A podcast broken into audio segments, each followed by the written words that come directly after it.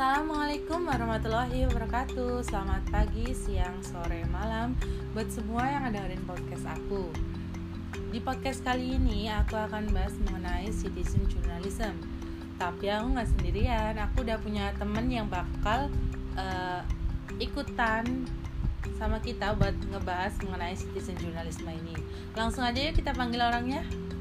Halo Mbak Ani. Halo Mbak Nisa, gimana kabarnya Mbak Nisa? Alhamdulillah baik uh, udah capek ya kita rebahannya ya? Iya cuma rebahan kuliah online gitu doang. Mending kita kembali produktif lagi ya bikin podcast podcast uh, di mana nantinya semoga podcast ini bisa bermanfaat bagi yang ngedengerin juga ya. Iya bener banget Mbak Nisa semoga juga nambah pengetahuan juga iya. buat yang ngedengerin. Langsung aja yuk kita uh, ngebahas mengenai citizen journalism uh, menurut Mbak Ani sendiri citizen journalism ini uh, apa ya kalau menurut aku citizen journalism itu kayak apa ya secara garis besarnya tuh kayak jurnalisme warga ya. Jadi aktivitas yang dilakukan oleh warga biasa kayak kita kita ini. Terus untuk dikenali sebagai citizen journalism itu kita juga memiliki peran aktif dalam proses kayak misalnya pengumpulan, pelaporan, analisis dan menyebarkan berita serta informasi yang kita miliki sebagai jurnalisme warga Mbak. Kalau menurut Mbak Nisa sendiri itu jurnalisme warga atau citizen journalism kayak apa sih? Ya kayak yang bener tadi yang diucapin Mbak Ani. Jadi citizen journalism ini memang uh, merupakan keterlibatan masyarakat dalam pertukaran berita. Jadi kayak warga itu uh, ikut memberikan berkontribusi, memberikan informasi yang bisa menjadi bahan berita bagi jurnalistik profesional. Jadi kayak mereka itu saling melengkapi gitu loh.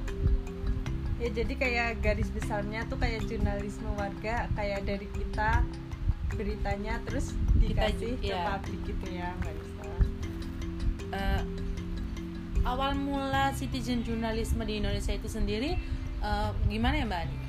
Kalau dari yang saya baca terus kayak dengerin dengerin gitu ya jurnalisme atau citizen journalism di Indonesia sendiri itu kayak dipelopori oleh radio El Sinta ah, ya, Mbak Nisa uh, tahu kan? Iya.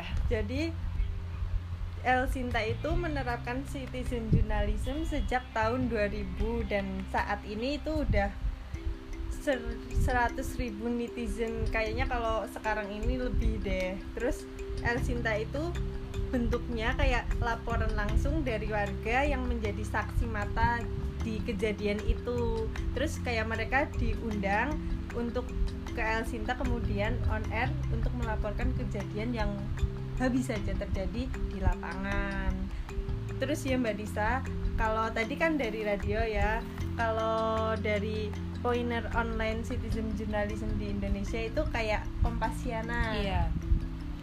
Jadi memang uh, sekarang ini kan yang paling populer itu media daring kan. Jadi memang uh, jurnalisme warga di internet juga sekarang semakin banyak bahkan uh, lebih populer daripada radio Elsina itu sendiri ya.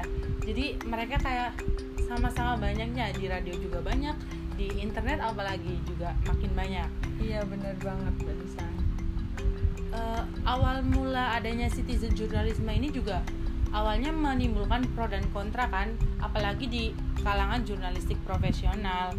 Uh, banyak sekali mereka yang pro terhadap jurnalisme jurnalisme warga ini mungkin Mbak Ani bisa uh, ngejelasin sedikit uh, pro dan kontra yang terjadi di jurnalistik profesional itu. Kalau aku tuh menurut aku kayak pronya ya Mbak Nisa. Kalau pronya itu kayak sekarang kan citizen journalism kayak up to date banget ya update banget. Kayak misal ada kejadian apa pasti yang merekam pertama kan citizen journalism itu sendiri. Jadi menguntungkan sih kalau buat yang itu jurnalis jurnalis-jurnalis yang udah profesional gitu. itu. Uh, karena mereka kan juga nggak selamanya uh, bisa berada di semua lokasi di semua kejadian kan. Jadi uh, apabila ada seorang warga yang mengambil momen tersebut itu juga sangat menguntungkan juga kan. Nah iya bener banget. Terus selain itu juga kayak misal ada apa itu untuk mengeritik pemerintah atau apa jadi dari citizen journalism itu kayak lebih apa ya lebih real gitu buat ngeritik. Jadi nggak ada yang menyetir kita kan sebagai Iya, citizen nggak ada journalism bias yang menyetir kita gitu. Jadi uh, pure demokrasi ya. Iya benar banget. Kayak kita tuh bebas meng- mengaspirasikan apa yang kita rasakan sebagai warga. Nah untuk kontranya sendiri nih. Kalau menurut aku sih ya kontranya tuh kayak misal kalau citizen journalism tuh masih kayak nggak kan nggak ada kode etiknya. Kode etik eh, bener kan ya mbak Nisa? Jadi kayak takutnya nanti karena tidak adanya hal itu jadi menimbulkan hoax Iya. gitu. jadi emang jurnalisme warga ini kan uh, dapat memicu berita bohong seperti hoax. Kualitasnya juga terkadang ada yang rendah. Terus juga kesulitan verifikasi serta beritanya itu dirasa kurang objektif. Kan karena uh, memang jurnalisme warga itu memang ada yang uh, berkualitas beritanya. Tapi ada juga yang sekedar opini yang juga bisa ditambah-tambahi.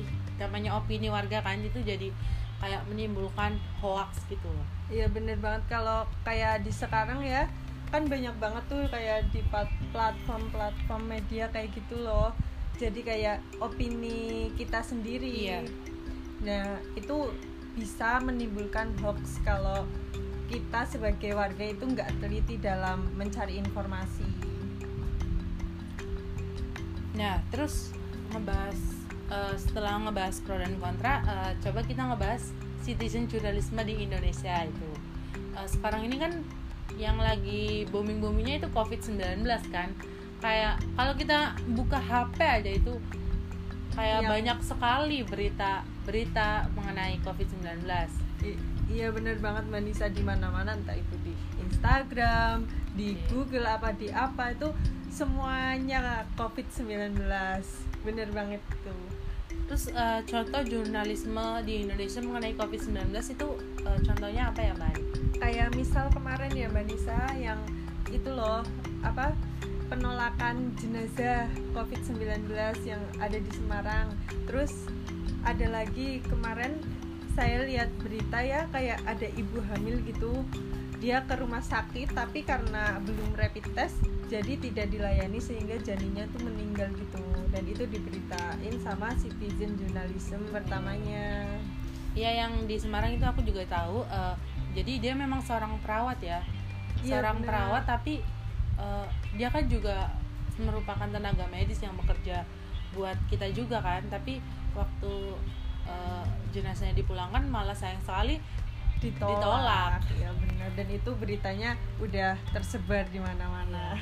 Jadi kita juga tahu ya ada berita seperti itu juga berkat citizen journalism iya benar banget. Terus juga di eh, Sulawesi itu juga ada di mana eh, banyak kayak seorang warga itu 50 warga menjemput paksa pasien COVID-19 itu karena dirasa eh, dia itu eh, tidak positif COVID. Dan itu juga kita jadi tahu juga kan Iya, berkat benar jurnalisme citizen journalism ya kalau pasti kan itu dari warga dulu yang merekam. Terus nanti yang jurnalis-jurnalis pada mencari informasi lebih itu Iya. dan memberikan ke publik kayak lebih pakai kode etik gitu ya Melisa dan tidak hanya di internet eh, kemarin juga saat saya menonton saat aku menonton CNN Indonesia itu juga eh, ada citizen journalisme yang juga memberikan laporan mengenai akses jalan yang ditutup saat COVID-19. Nah, dengan adanya citizen journalisme itu kita juga jadi tahu kan, eh, oh ternyata akses jalan di sini ditutup gitu loh. Iya bener Terus jadi kita bisa cari kayak jalan lain untuk kayak misal kita mau ke mana tapi tahu jalan itu ditutup jadi kita bisa cari jalan lain atau gimana gitu.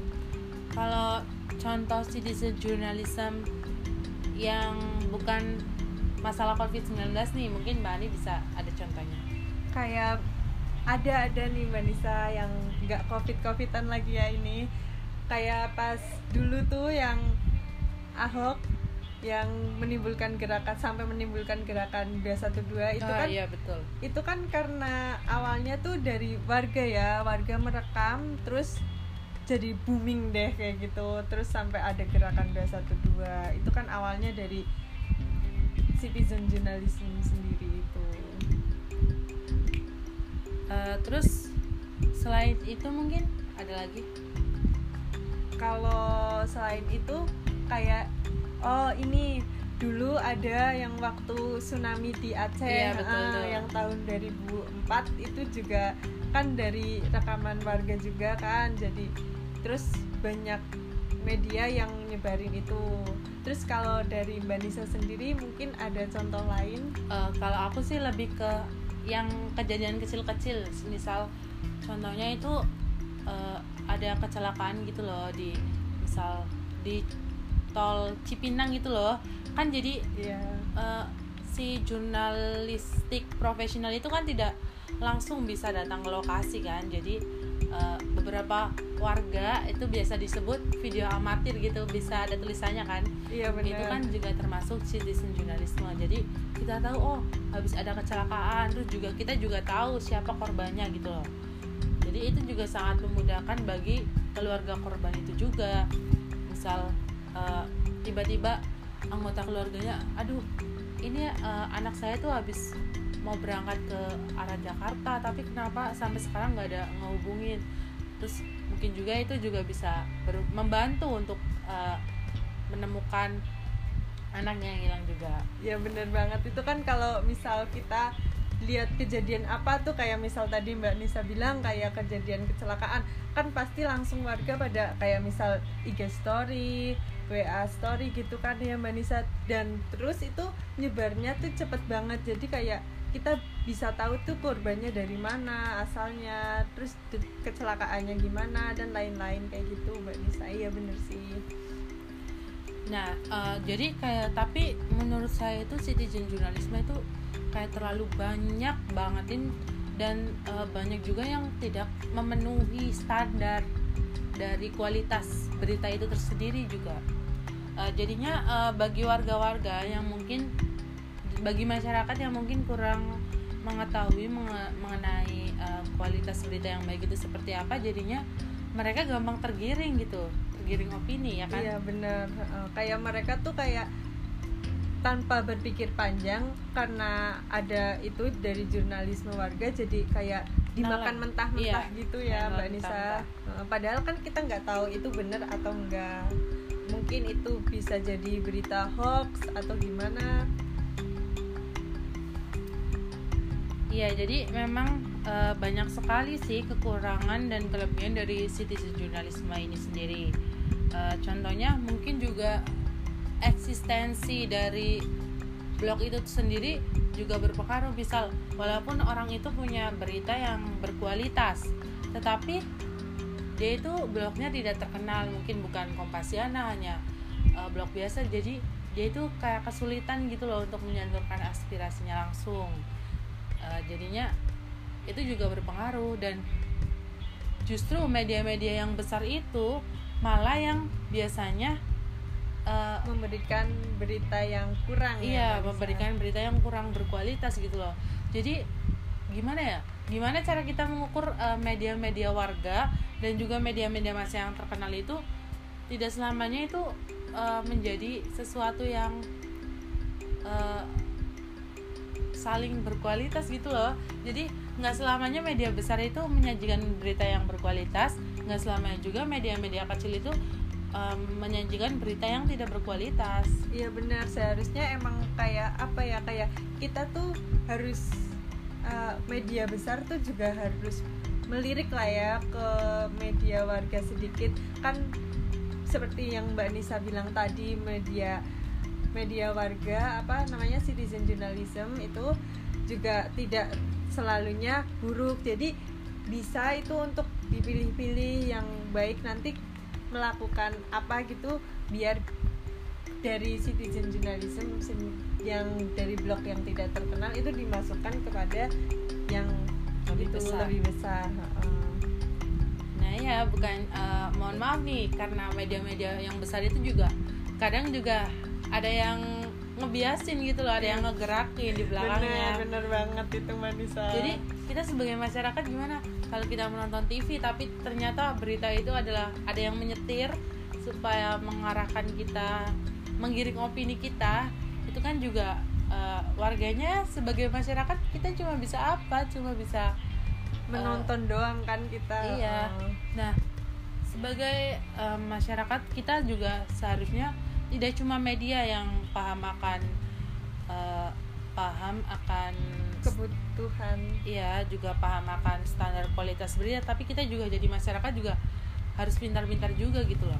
Ya benar. Kita sebagai masyarakat harus pintar-pintar memfilter ya mbak Nisa iya, memfilter. berita yang kita terima. Karena tidak semua berita itu kayak baik semua. Jadi kayak mungkin ada yang kurang gimana atau gimana. Kalau misal beritanya itu hoax kan jadi masalah apa apalagi kalau misalnya menyinggung sara atau apa gimana? Iya ya, uh. itu sangat sensitif ya mbak Ani. Ya benar banget mbak Nisa. Terus kalau menurut mbak Nisa sendiri kan citizen journalism itu kayak yang tadi Mbak Nisa bilang kan kayak ada kurangnya terus juga kayak yang tadi dicontohin ada lebihnya kalau dari pandangan Mbak Nisa gimana sih uh, agar berita berita di Indonesia itu lebih berkualitas gitu ya menurut aku sih uh, si citizen journalism ini sendiri juga perlu paham akan pentingnya verifikasi sebuah berita, objektivitas sebuah berita. Mereka juga harus paham gitu loh.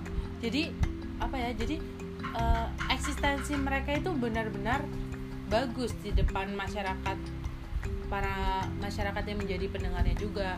Jadi citizen, ayo kita mulai citizen jurnalisme yang berkualitas, yang tidak diremehkan oleh para jurnalistik profesional lagi. Jadi kita harus paham mengenai uh, objektifitan keobjektifan berita itu tersendiri juga kemudian uh, kalau sebaliknya kalau kita hanya uh, kalau kita hanya percaya pada media yang besar bisa jadi media yang besar itu dipegang oleh seseorang yang lain juga jadi kan uh, kita masyarakat jadi kita pasti akan memilih yang uh, pro dengan kepentingan kita gitu loh iya bener banget Danisa apalagi kalau sekarang ya apalagi kemarin contohnya kayak misal di politik iya. pemilu iya. nah itu kan banyak banget dari media-media yang kayak ya kita tahu lah ya kayak ya disetir gitu. Untuk iya. menumbuhkan citra seseorang gitu. Jadi masyarakat itu uh, memang sebaiknya itu jangan terlalu melirik media-media yang bisa menggiring opini kita ke satu pihak gitu loh. Jadi lebih baik itu pertama masyarakat juga harus bersikap netral dulu ya terus kemudian uh, dicari dulu itu kebenarannya. Nah sebagai citizen jurnalisme itu yang di mana mereka itu rata-rata kan juga bergerak untuk rakyat dari rakyat dan untuk rakyat kan? Iya benar jadi banget. mereka juga harus uh, memiliki uh, tiang yang kokoh gitu loh. Jadi jangan mau digiring sama orang yang punya kepentingan gitu loh. Jadi jurnalisme warga itu harus menjadi media yang memang uh, netral dan juga selalu meningkatkan kualitas beritanya itu. Kalau menurut saya sih di Indonesia ini uh, belum ya belum cukup itu ya belum cukup melaksanakan hal itu. Jadi masih banyak sekali berita-berita hoax kan? Iya bener banget. Masih banyak banget berita berita hoax yang tersebar di Indonesia. Nah kalau menurut aku sih ya mbak Nisa seba apa ya untuk menumbuhkan citizen journalism yang berkualitas itu kayak bisa kita mengadain untuk warga gitu kayak seminar citizen journalism seperti hal-hal seperti itu kan bisa bisa banget lah ya untuk menyadarkan masyarakat gitu. Iya uh, aku jadi ingat waktu uh, aku praktik kerja lapangan di itu humas sekretariat daerah. Nah itu juga uh, saat kita di presenter itu kita kayak mengumpulkan berita-berita dari para warga gitu loh. Jadi kalau misal ada kejadian seperti pohon tumbang warga itu kayak langsung melaporkan. Nah kemudian laporan-laporan itu tuh yang dirasa memang positif memang fakta Iya. sebenarnya eh, seperti rumah kebakaran tanah longsor itu tuh kayak sama presenternya itu langsung disampaikan ke eh, wartawan dari Kebumen Express. Jadi ke- keesokan harinya berita itu muncul di koran Kebumen Express. Itu juga termasuk positif dari citizen jurnalisme kan? Itu Selain- jadi kayak selain itu juga eh, selain para bako humas itu menyampaikan berita-berita itu juga ada rapat di mana itu dihadiri oleh banyak sekali petinggi desa. Petinggi desa apa ya saya menyebutnya? Ya seperti Iya, pamong sekretariat desa. iya itu. Sekretariat desanya jadi mereka kayak ya saling berdiskusi, berdiskusi bertukar informasi itu juga termasuk. Ya itu melalui citizen journalism. Jadi kita bisa tahu update-update gitu berita apa yang kayak Mbak Nisa tuh praktek kerja lapangan gitu ya. Heeh, jadi positif juga kan terus juga menguntungkan untuk yang apa yang profesional itu ditayangkan di koran Express Kebumen Kebumen Express, ya. Benar. nah udah panjang banget ya tadi kita ceritanya. Iya, seru sampai banget. ya udah sampai Ahok juga. Eh, jadi kesimpulan dari apa yang kita sampaikan hari ini jadi jangan memandang sesuatu itu dengan sebelah mata ya.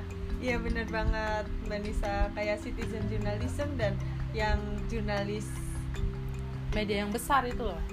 Kayak profesional gitu. Jadi jangan memandang hal kecil itu dengan sebelah mata.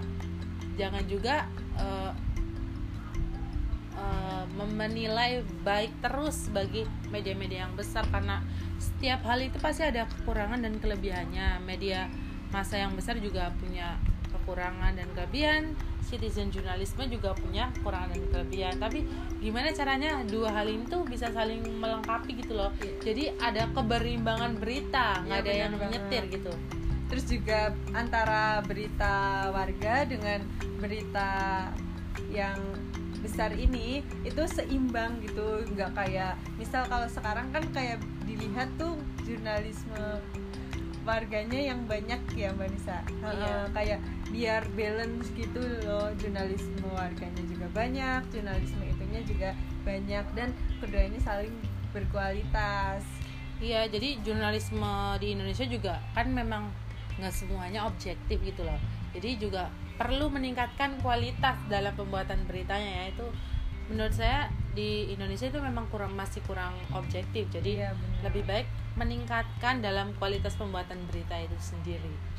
nah bener banget tuh mbak Nisa Nah, eh, itu tadi yang yang kita bahas nih berdua mengenai citizen journalism. Gak kerasa ya, seru banget ini kita ngomongin citizen journalism kayak nggak ada habisnya gitu Iya, soalnya kan kita juga sebagai netizen juga ya. Heeh, bener kita banget. kayak paham gimana rasanya sebagai kita yang ingin menyampaikan informasi tetapi kayak eh, yang di atas malah kayak memutar balik kayak playing victim gitu ya Heeh, bener. Ka- Terkadang kayak gitu ya Mbak Iya. Nisa, tidak selamanya pro.